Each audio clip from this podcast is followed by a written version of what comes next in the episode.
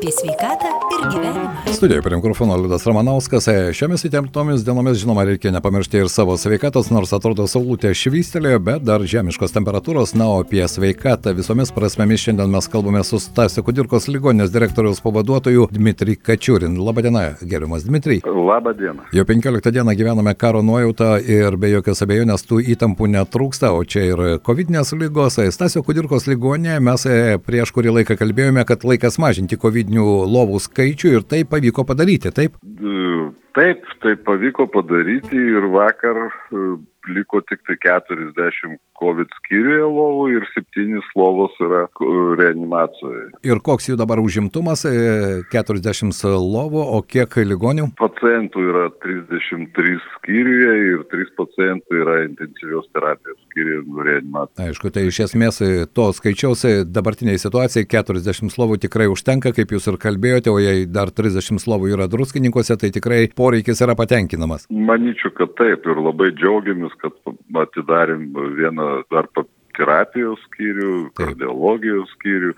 Tai turim papildomai 50 lovų terapijos profilių savo pacientam, tai labai džiugu. Be jokios abejonės, jo lab, kad poreikis ko gero yra, ar ne, ir tos lovos irgi užsipildo. Taip, poreikis yra ir vakar tik atidarius skyrių, jo septyni pacientai atvyko per naktį. Na, galima sakyti, kad galbūt ta situacija po truputį normalės, nor, normalės, taip galima būtų pasakyti, ar ne, ir tų susirgymų skaičiai dabar jau yra stabilizavęsi visoje šalyje apie 5-6 tūkstančiai, na ir į tai ypatingą dėmesį niekas nekreipia, nes karas viską nubraukė. Nu ne, negalim tai pasakyti, kad viską nubraukė, vis dėlto išlieka tam tikri reikalavimai ir paslaugų teikimo reikalavimai yra srautų reguliavimas, tai norisi atskirti pacientus, kurie yra užsikrėti COVID nuo, nuo sveikų, ta prasme, kurie COVID kažkokio tai infekcijos neturi. Taip. Tai tenka dirbti labai atsargiai, atsakingai, nu ir tikėkime mums pavyks. Vienu žodžiu, visi tie apribojimai, kurie galiojo ir dabar jie galioja ir Stasio Kudirkos ligoninė, ar ne, ir ta vidinė tvarka visa ir visa kita. Iš kitos pusės sezoniškumas taip jau teigiama, kad vis dėlto COVID tai yra sezoniškumo simptomus turi, bet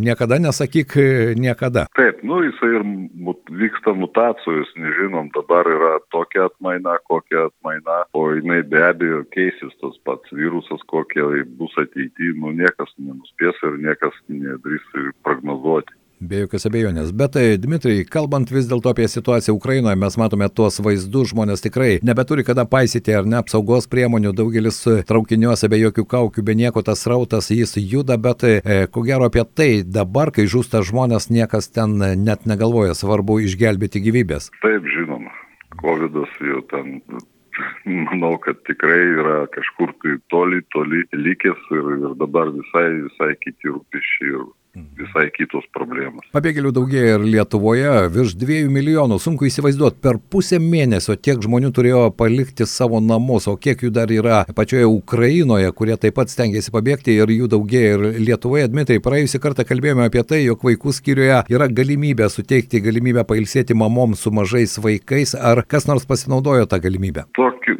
tokio nebuvo, kad pailsėt mes turėjom vieną vaikutį su mama, jisai nu, pakliuvo pas mus į vaikų lygų skyrių, nu tiesiog mhm. kažkokio rimto susirgymo nebuvo, kaip sakė man skyrius vidėjai, tai čia pasiekmes tos ilgos ir nelengvos kelionės Taip. iš Ukrainos į Lietuvą vaikas ir peršalis, ir išsekęs, ir, ir pavargęs, nu, bet jisai jo išleistas, išleistas iš ligoninės. Jau išleistas, ar ne? Bet tai aš jūsų norėčiau kaip daktaro paklausti, štai tokiamis ekstremaliomis situacijomis, ar ne? Vis dėlto žmonių organizmo, tiek vaikų, tiek suaugusių, sugeba mobilizuotis, tai beprotiškai ilgos kelionės, nuovargis, maisto nebuvimas ir taip toliau, stresas, bet visa tai kažkaip sugeba žmogaus organizmą mobilizuotis, nes, na, tie, kurie atvyksta ir į Lietuvą, pavyzdžiui, pabėgėliai, jie juk nesikreipia į ligoninę praktiškai niekas, ar ne? Jūs štai paminėjote vieną vaiką, vaiką, kuris buvo patekęs į Stasio Kudirkos ligoninę? Ne, nu, čia buvo stacionarizuotas. Iš viso turėjom tris vaikučius ir vieną suaugusi, bet dėl rimtesnių problemų kažkokio tai mes neturėjome. Visi vaikai būtent vat, su e, tokia tokie nusiskundimai ir tokia būklė, kokią aš išvardinau tam vaikui, nu galbūt kitiem kažkiek tai buvo šiek tiek lengvesnė e, situaciją ir jie greičiau atsigavo priimimo skyriui, suteikus pagalbą, o vieninteliam reikėjo porą dienų stacionarinių gydymų. Supratau. Karo temos mes neišvengsime. Vakar dienos tragedija Mariupolyje, ar ne, kai buvo susprogdinta ligonė ir gimdymo namai. Tie vaizdai apskrėjo visą pasaulį. Galima įsivaizduoti gydytojus, kurie šiuo metu dirba ten. Jūs buvote minėję, jog ir trys Stasio Kudirkos ligoninės gydytojai yra pasiruošę išvykti padėti ukrainiečiams. Ar jie dar, iš, jie dar e, dirba ligoninėje, ar jau pasiruošę vykti? Nu, jie pasiruošę, bet šiuo metu jie dar dirba tikėtina, kad negavo kažkokios tai, kažkokio tai kvietimo iš ministerijos. Aišku, jie ir... rezervė yra, kaip sakoma, ar ne? Taip. taip. Aišku.